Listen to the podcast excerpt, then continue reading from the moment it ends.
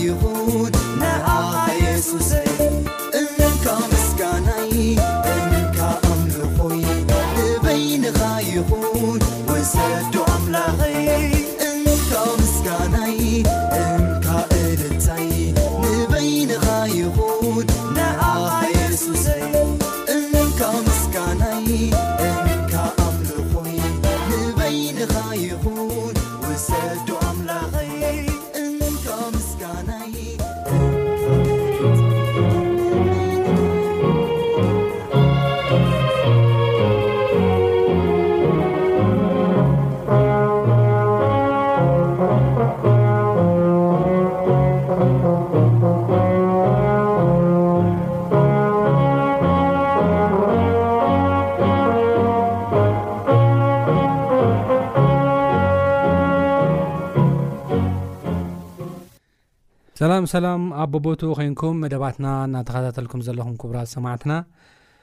ሎሚ እውን መቐፀልታ ናይቲ ሒዝናዮ ዘለና ርእስቲ ኣብ ማቴዎስ ምዕራፍ ሽዱሽተ ፍቕዲ ዓሰርተ ኣርባዕተ ዘሎ ንሰብ በደሎም እንተሓደግኩምሎም ንኣኻትኩም ድማ ናይ ሰማይ ኣቦኹም ክሓድገልኩም እዩ በደልና ከም ዝሓደግናሎም በደልና ሕደገልና ዝብል ጥቕሲ ኢና እናረኣና ዘለና ማለት እዩ እሞ ኣብ ዝሓለፈ ናይ ቃል ግዜና ይቕረ በለና ኢልና ምፅላይና ምስጢር እቲ ይቕሬታ ኣምላኽ ፀጋ ኣምላኽ ናይ ምቕባልና ምስጢር ከም ዝኾነን ይቕረ በለና ኢልና ክንፅሊ ከለና ከዓ ናብ መን ኣምላኽ ንቐርብ ከም ዘለና ፍቕሪ ዝኾነ፣ ብሕነ ብቑጥዓ ዝተመልአ ዘይኮነሲ፣ ነገር ግን ብፍቕሪ ዝተመልአ ኣምላኽ ናብኡ ንቐርብ ከም ዘለና ተረዲእና ናብኡ ክንቀረብ ከም ዘለና ኢና ንርኢና ኣብ ዝሓለፈ ናይ ቃል ግዜና ማለት እዩ። ሎሚ ከዓ ንሪኦ እምበኣር ኣብ ህይወትና ዘምፅኦ ለውጣት ኣሎ ንፀሎት እዚ ኣብ ሂወትና ዘምፅኦ ለውጥታት ኣሎ እቲ ቀዳማይ ኣብ ሂወትና ዘምፅኦ ለውጢ እንታይ ተይልና ሓቀኛ ንስሓ ምእንቲ ክንኣት እዩ ዝገብረና ሓቀኛ ዝኾነ ንስሓ ቅድም ዝበለ ናይ ቃል ግዜና ሓሊፍና ኣብዝረኣናሉ እዋን ሂወትና ኣብ ዘይኮነ ናትና ኣብ ዘይኮነ ሂወት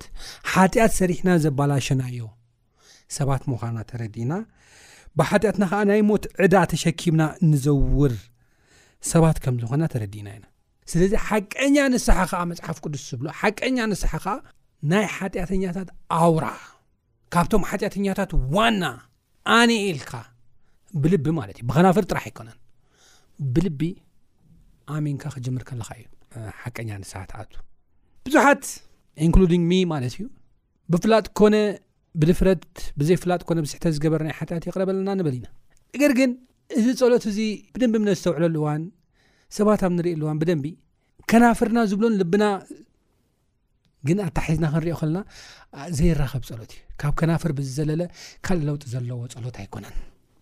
መፅሓፍ ቅዱስ ኩሉ ግዜ ካባና ዝደልዩ ሓደ ነገር ኣሎ ንሱ ድማ እንታይ እዚ ክንርዳእ ህወትና ኣብ ዘይኮነ ህይወት ሓጢኣት ምስራሕ ኣባላሽና ናይ ሞት ዕዳ ሒዝና ንዘውር ዘለና ሰባት ምዃና ክርዳእና ክእል ኣሎ እዚ ናይ ሞት ዕዳ ከዓ በዓልና ኮነ ሃብትና ፈተውትና ኮነ ቅዱሳን መላእኽቲ ከወግዱልና ዘይክእሉ ናይ ሞት ዕዳ ምዃኑ ክንግንዘብ ክንከል ኣለና ስለዚ ኣዚና ምስኪን ፍጡራት ከም ዝኾንና ተረዲእና ሓጢኣት ከዓ እግዚኣብሄር ዝሃበና በረኸት ኩሉ ኣስኢንና እዩ ዘስኣነና ዓብ ቫይረስ ክፉእ ቫይረስ እዩ እዚ ኣስተውዒልና እንተ ደኣ ንስሓደይና ኣቶ ኮይና ኣነ ናይ ሓጢኣተኛታት ዋና እየ ኣነ ሓጢኣተኛ እየ ኢልና እንተ ደኣ ደይ ኣሚንና ንኻልኦት እውን ይቕረ ክንብል ኣይንኽእልን ኢና ምሕረት እውን ክንረክብ ኣይንኽእልና ፀጋ እውን ክንረክብ ኣይንኽእልና ዝብል ሓሳብ እዩ መፅሓፍ ቅዱስ ድማ እንታይ እዩ ዝብል መጀመርያ ኣብ ኤርምያስ ምዕራፍ 3 ፍቅዲ 13 ከም ዝብል ሓሳብ ኣሎ እምበኣር ከስ ናይ እግዚኣብሔር ኣምላኽኪ ከም ዝጠለምኪ ኣብ ትሕቲ ኩሉ ልሙዕ ዓዋም ኣብቶም ጓኖት ኣማልኽትን ኣብዝን ኣብትን ፀፋዕፋዕ ከም ዝበልኪ ቃለይ እውን ከም ዘይሰማዕኺ ኣበሳኺ ተኣመኒ ይብል እግዚኣብሄር ነታ ጠላሚት እስራኤል ክዛረብ ከሎ ማለት እዩ እስራኤላውያን እግዚኣብሔር ዝመረፆም ዓብ ህዝቢ እዮም ነገር ግን እግዚኣብሔር ካብ ዘይምእዛዞ ምስ ተላዕለ ከዓ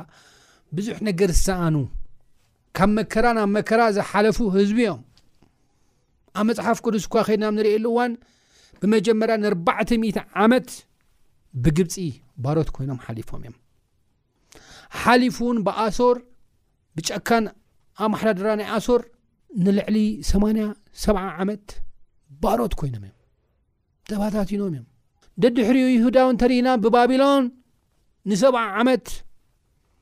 ኣሕሊፎም ተዋሂቦም እዮም ድሕሪኡውን መፂ ጨኳኒ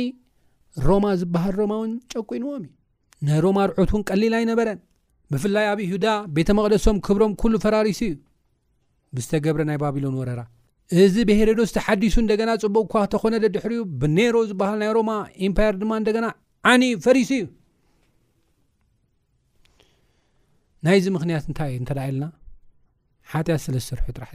ኣይኮነን ነገር ግን እቲ ናይ እግዚኣብሄር ድሉ ዝኾነ ናይ እግዚኣብሄር ምሕረትን ናይ እግዚኣብሄር ፈውስን ንምቕባል ድልዋት ስለ ዘይኮኑ እዩ ነዚ እውን እዩ መጽሓፍ ቅዱስ ኣብ ኤርምያስ ምዕራፍ 3 ፍቕዲ 13 ሲ ንእግዚኣብሔር ኣምላኽኪ ከም ዝጠለምኪ ኣብ ትሕቲ ኩሉ ልውዕ ዓዋም ኣብቶም ጓኖት ኣማልኽትን ኣብ ዝናብትን ፀፋዕፋዕ ከም ዝበልኪ ቃለይ እውን ከም ዘይሰማዕኺ ኣበሳኺ ተኣመኒ ጥራሕ ተባሂላ ዝፅዋዕ ዘላ ክትእመን ኣይከኣልን እስቲልናው ሓጢኣት ሰሪሓ ካብ ሽግር ናብ ሽግር ናወደቐት ካብ ፈተና ናብ ፈተና ናወደቐት እቲ ናቶም ክብረ እዮም ዝብልዎ ቅዱስ ቤተ መቅደስ እናፈረሰ እናረኣይዎ እታ ቤተ መቅደስ ዝነበረ ኣቕሑ ብምሉእ እናተዘርፈ እናረኣይዎ በደሎም ግን ክእመኑ ኣይከኣሉን እግዚኣብሄር ከዓ ተኣመኒ ተኣመኒ ሕጂ እውን ፈውሲ ዝመጽእ ክንእመን ከለና እዩ ፈውሲ ዝመጽእ ሓጢኣትና ክንናዘዝ ከለና እዩ ምሕረት ኣምላኽ ጸጋ ኣምላኽ ክንቅበል ንኽእል ክንእመን ከለና ጥራሕ እዩ ብዙሓት ሰባት ንስሓ ኣት እዮም ቅድሚ ኢለ ከምቲ ዝበልኩ ከመይ ዓይነት ንስሓ እዮም ግን ዝኣት ሉቃስ ምዕራፍ 18 ፍቕዲ ትሽተ ዘሎ ሓሳብ ብዛዕባ ክልተ ሰባት ይነግረና ካብ ጉዙር ሸዓተ ኣትሒዘ ከንብበዮ ከምዚ ድማ ይንበብ ንሓያሎ ጻድቃን ምዃኖም ብርእሶም ዝእመኑ ንካልኦት ዝንዕቁ ዝነበሩ ድማ እዚ ምስላ እዚ በሎም ክልተ ሰብኣይ እቲ ሓደ ፈሪሳዊ እቲ ካልኣይ ከዓ ተጋዊ ክጽልዩ ናብ ቤተ መቕደስ ደየቡ እቲ ፈሪሳዊ ደየው ኢሉ ብልቡ ዎ ኣምላኽ ኣብ ሰሰሙን ክልተ መዓልቲ እፀውም ኣብ ኩሉ ገንዘበይ ዕሽረ የውፅእ ከምቶም ካልኦት ሰባት ከተርቲ ዓመፅቲ ዘመቱ ወይ ከም ዝተጋዊ ስለ ዘይኮንኩ ኤመስግነካ ኣሎኹ ኢሉ ጸለየ። እቲ ተጋዊ ግና ኣብ ርሑቕ ደው ኢሉ ንኣይ ንሓጥእ መሓረኒ እናበለ ኣፍ ልቡ ይወቅዕ ነበረ እምበር ዓይኑ ናብ ሰማይ ቋሕ ከብል እኳ ኣይደፈረን። ርእሱ ልዕል ዘብል ኩሉ ይዋረድ ርእሱ ዘትሕት ግና ልዕል ይብል እዩሞ እዚ ሓለፋ እቲ ጸዲቑ ናብ ቤት ከም ዝወረደ እብለኩም ኣለኹ ይብል ብጣዕሚ ዝገርም እዩ ኣብዚ ነገረና ብዛዕባ ሓደ ፈሪሳውያን ተጋውን እዩ ተጋው ማለት እንታይ ማለት እዩ ቀረፅ ዝእክብ እዩ ቀረፅ ዝእክቡ ኣብቲ ግዜ እቲ ኣይፍተውን እዮም ነሮም ንምንታይ ነቲ ህዝቢ ብዙሕ ቀረጽ እናኽፈሉ ኣብ እንግድዖም ዓቢ ዝኾነ ሸኽሚ ጠምጢሞም የንበርሎም ስለ ዝነበሩ ብሙስና ብኻልእ ሌብነት ገለ ብዙሕ ይሕመዩ ስለ ዝነበሩ ፍትዋት ኣይነበሩን ከም ሓጢኣተኛታት እዮም ዝረአዩ ነይሮም ፈሪሳዊ ከዓ ከና ክንረእ ከልና ከዓ ፈሪሳዊ ፍሉይ ማለት እቲ ሽሙ ድሕሪ ምርኮ ባቢሎን ዝተቋቋመ ተቋም እዩ ወይ ድማ ዝተመስረተ ተቋም እዩ እዚ ኢንስቲቱሽን ኬና ንሪእሉ ዋን ህዝቢ ኣምላኽ ኣብ ባቢሎን ህዝቢ እስራኤል ህዝቢ ይሁዳ ናብ ባቢሎን ዝተማረኽሉ ኣብ ሰብዓ ዓመት ድማ ኣብ ባቢሎን ዝፀንሐሉ ዋና ዓላማ ሕጊ ኣምላኽ ስለዘይሓለዉ ኢሎም ስለ ዝሓሰቡ ስለዚ ሕጊ ኣምላኽ ንክልሕሉ ዝገብሩና ሰባት እንታይ ክንገብር ኣለና ከነቕውም ከነዳሉ ኣለና ካብ ምባል ዝተላዕለ ዝተዳለዉ ሰባት እዮም እዞም ዝተዳለዉ ከዓ እንታይ ተባሂሎም ፋሪሲስ ወይ ድማ ፈሪሳውያን ተባሂሎም ተፀዊዖም ማለት እዩ ስለዚ ፈሪሳውያን ሕግታት ኣርቂቖም ነቲ ሕግታት ሰብ ምእንቲ ክሕልዎ ኣርቂቖም ኣርቂቖም ኣርቂቖም ኣርቂቖም ሕጊ ዝህቡ ዝነበሩ ሰባት እዮም ኣብ ሰንበት ጥራሕ ሲ ኣብ ራብዓይ ትእዛዝ መዓልቲ ሰንበት ክትቅድሳ ዘክር ዝብል ሲ 39 ሕግታት እዮም ኣዲሽናል ናቶም ወሲኾምሎም ማለት እዩ ኣብ ካልእ እውን ከምኡ ኣብ ጠቕላላ እቲ ዓሰርተ ትእዛዛት ድማ ልዕሊ ሰለስተ ሚእትን ገለን ትእዛዛት ከም ዝወሰኹ ኢና ንርኢ ብካልእ ኣባህላ ኣብ ቤተ መቅደስ ዝውዕሉ ፕላስ ምስቲ ሕጊ ኣምላኽ እናተቓለሱ እናተንተኑ እናወሰኹ እናቀነሱ ዝውዕሉ ሰባት እዮም ፈሪሳውያን ማለት እዩ ስለዚ ኣዋዕሎም ክንርኢ ከልና እቲ ፈሪሳውያንን እቲ ተጋውን ወይ ድማ ተቐረፂ ኣካብን ኣዋዕሎም ኣይራኸብን እዩ እቲ ምስ ገንዘብ እዩ ዝውዕል እቲ ከዓ ምስ ቃል እግዚኣብሄር እዩ ዝውዕል ነገር ግን ኣዋዓዕላኻ ኣይኮነን እግዚኣብሄር ዝደለ ሕጂ ኣዋዓዕላኻ ኣይኮነን እግዚኣብሄር ካባና ዝደልዮ ዋና ዓላማ ልብኻ እዩ ልብና እዩ ወደየ ልብኻ ሃበኒ ቤተ ክርስትያን ክትውዕል ትኽእል ትኸውን ኢኻ ንግሆ ተሲኢኻ ቀትሪ ምሸት ቤተ ክርስትያን ክትመላለስ ትኽእል ኢኻ ቤተ ክርስትያን ምኻድካ ግን ጋራንቲ ይኮነን ምናልባት ቃል ኣምላክ ክትሰምዕ ትኽእል ኢኻ ክትጽሊ ትኽእል ኢኻ ብርግጽ ነገር ግን ልብኻ ክፍወስ እንተ ደኣ ደይክኢሉ ንዓኻ ኣብ ቤተ መቕደስ ኣብ ቤተ ክርስትያን ምውዓል ጋራንቲ ኣይኮነን እቶም ኣብ ቤተ መቕደስ ንውዕል ኢና ዝብሉ እቶም ኣብ መፅሓፍ ቅዱስ ንውዕል ኢና ዝብሉ ዝነበሩ ሰባት እዮም ናይ ትዕቢት ልብን ክፉእ ዝኾነ ልብን ነይርዎም ንዕኦም ኢየሱስ ክርስቶስ ልቕሉቕ ልሱናት መቓብር ይኹም ኢሉ ዝተፅውዖም ብውሽጡ ሬሳ እዩ ብደግኡ ግን ዘንፀባርቕ እዩ ኢሉ ዝፀውዖም ውሽጥኹም ሞት እዩ ውሽጥኹም ክፍኣትን ዓመፅን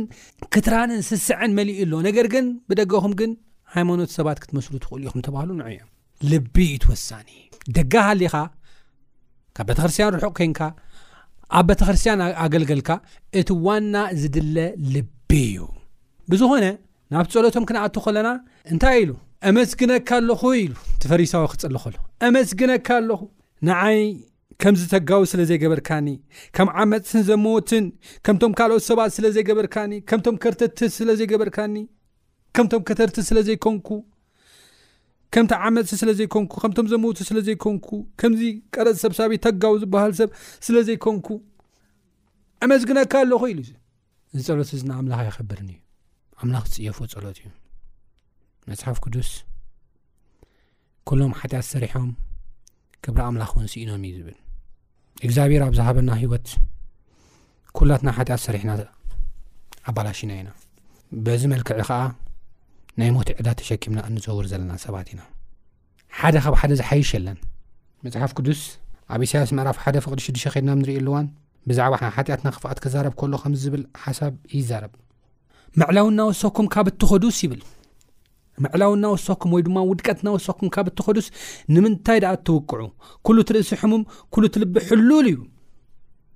ካብ ከብዲ እግሪ ክሳዕ ርእሲ ገለጥዑ የብሉን ዘይተጠወቐን ዘይተዘነነን ብቕብኢ ዘይለስለሰን ኣቑሳልን ስምብራት ሓድሽ መውቃዕትን ጥራይ እዩ ይብል ኩላትና ሓጢኣተኛታት ኢና ኩላትና በደለኛታት ኢና በደልና ተኣሚና ኣብ ቅድሚ ኣምላኽና ንስሓ ክንኣቱ ይቕረ በለኒ ኢና ክንብል ዘለና እምበር እቲ ናይ ኣምላኽ ፀጋ ክንቅበል እዩ ዘለና እምበር ብፅድቅና እሞ ከዓ ፅድቂ ኣብ ዘይብልና ክንምካሕን ተኣሽሙ ክንከውንን የብልናን እቲ ተጋዊ ግን ይብለና ናብ ሰማይ እኳ ዓይኑ ቃሕ ከብል ኣይደፈረን ነገር ግን ኣፍ ልቡ እናሃረመ ጎይታይ ንዓይኒ ሓጥእ ንባርያኻ መሓረኒ እናበለ ይፅሊ ንስሓ ይኣቱ ነበረ ይብለና ስለዚ ሓቀኛ ዝኾነ ንስሓ ንኣምላኽ ዘኸብር ንስሓ ንሕና ሓጢኣተኛታት ምዃና ያውም ካብቲ ሓጢኣተኛታት ድማ እቲ ዋና ሓጢኣተኛታት ምዃና ተኣሚንና ናብ ኣምላኽ ክንቀርብ ክንክእል ኣለና ልብና ኣፍና ኣይኮነን ሕጂ እውን ኣፍና ኣይኮነን ብቓልና እናመቀርና ሰብ ክሰምዓና ኣይኮነን እቲ ዋና ብልብና ተኣሚንና ክንመጽእ ክንክል ኣልና ጳውሎስ ኣብ ቀዳማይ ጢሞቴዎስ ምዕራፍ ሓደ ፍቕዲ 15 ከምዚ ኢሉ ተዛሪቡ ነይሩ ክርስቶስ የሱስ ነቶም ኣነ ዝቐዳማዮም ሓጢኣት ከድሕን ከም ዝመፀ እዚ ቓል እዚ እሙንን ምቕባሉን ብዅሉ ግቡእ እዩ ይብል እወ ኣብዚ ጳውሎስ ክዛረብ ከሎ እንታይ እዩ ዝብል ዘሎ እቲ ኣነ ዝቐዳማዮም ሓጣን ይብል ኣነ እቲ ቀዳማይ ሓጢኣት እናበለ እቲ ናይ ሓጢኣቱ ሸክሚ ክሳብ ክንደይናይ ምዃኑ እዩ ዘርኢ ዘሎ ኢንፋክት ጳውሎስ መጀመርያ ኣሳዳድ እዩ ነይሩ ወረቐት ሂቡ ዝሰድድ እዩ ነይሩ ዘሳድ ሰብ እዩ ነይሩ ድሓር ግን ምስ ተመልሰ ይቕረ ኢልዎም እዩ ነቶም ዘሳድድዎ ዝነበሩ ምሕረት ገይሩሎም እዩ ነቶም ዘሳድድዎ ዝነበሩ ኢንፋክት እቶም ሃዋርያት እውን ይቕረ ኢሎም ተቐቢሎሞ እዮም ምስኡ ሓቢሮም ከገልግሉ ገይሮሞ እዮም ንሱ እውን ይቕረ ከም ዝበለ ካብ ልቡ ኢና ንርኢ ብፍላይ ኣብ ሮሜ ምዕራፍ ትሽዓተ ፍቕሪ ክልተ ክሳብ ሰለስተ ኮይናም ንሪኦ ኣለዋን ከም ዝብል ሓሳባት ኣነ ብዙሕ ብጓህን ዘይባትኽ ስቓይን ኣብ ልበይ ከም ዘሎኒ ሕልናይ ብመንፈስ ቅዱስ ይምስክረለይ ኣሎ። ብክርስቶስ ሓቂ እብል ኣለኹ፣ ኣይሕሱን እየ። ኣነ ብርእሰይ ምእንቲ እቶም ብስጋ ኣሕዋተይን ኣዝማደይን ውጉዝ ኰይነ ካብ ክርስቶስ ክፍለ ምደለኹ ይብል። እዚ ዝዛረቦ ዘሎ ብዛዕባ እቶም እስራኤላውያን ክርስትያናት ዘይኰኑ፣ ክርስቶስ ከም ግሊ መድሓኒኦም ገይሮም ዘይተቐበሉ ሰባት እዮም ዝዛረቡ። ንሶም ኣብቲ ግዜ እቲ ነቶም ክርስትያናት ዝዀኑ ንበዓል ጳውሎስን ጴጥሮስን ንኻልኦት ሃዋርያትን ናይ ክርስቶስ ደቀ መዛሙርቲ ዝነበሩ ሰባት ብምሉኦም እንታይ ገብሩ ዝነበሩ እዮም? ዘሳዱ ዝነበሩ ሰባት እዮም። እንድየት ጳውሎስ ግን ስሌኦም ክብልሲ ኣነ እንታይ ተዝኸውን ካብ ክርስቶስ ክፍለ ምደለኹ ኢሉ ይቕሬታ ክህቦም ከሎ ወላ እናሳቐይዎሲ ይቕሬታ ክህቦም ከሎ ምሕረት ክገብረሎም ከሎ ኢና ንርኢ ስለዚ ከመይ ዓይነት ልቢ ከም ዝነበሮ ከመይ ልቡ ከም ተፈወሰ ዘርኢ ሓሳብ እዩ ማለት እዩ ኣብዚ ሓሳብ እዚ ከይና ንርኢ ኣለዋን ስለዚ ሓቀኛ ንስሓ ዝጅምር ሓጢኣትና ተኣሚንና በደልና ፈሊጥና እንኣትዎ ንስሓ እዩ ዝኸውን ዘሎ ማለት እዩ እሞ ልክዕ ከምኡ ኣብ መዝሙር ምዕራፍ 25 ፍቕዲ 11 ዘሎ ሓሳብ እና ክንፅሊ ክንክእል ኣለና እንታይ እዩ ዝብል መዝሙር ምዕራፍ 25 ፍቕዲ 11 ወ እግዚኣብሄር በደለይ ዓብዩ እሞ ስለ ስምካልካ የቕረበለለይ ኤልና ክንፅሊ ይግባኣና እዩ ስለ ስምካ ኢልካ ይቕረ በለለይ ኢልና ክንጽሊ ይግባኣና እዩ ማይ እንድዩ ኣብዚ ሕጂ እውን ከስምሮ ደልደሊ ይቕረ በለለይ ክብል ክንብል ከለና ኦረዲ ይቕሬታ ዝሃበና ጎይታ ምሕረት ዝሃበና ጎይታ ጸግኡ ዘብዝሓልና ጎይታ ንምቕባል ኢድና እንዘርግሓሉ ጸሎት ምዃኑ ክንርስዕ የብልናን እዚ ክንገብር እምበኣር እግዚኣብሔር ጸጉ የብዝሓልና ኣብ ዝቕጽል ናይዚ መቐጸልታ ሒዘልኩም ክቕረብ ክሳብ ዝቕጽል ሰላም ኩኑ ጎይታ ይባረኩም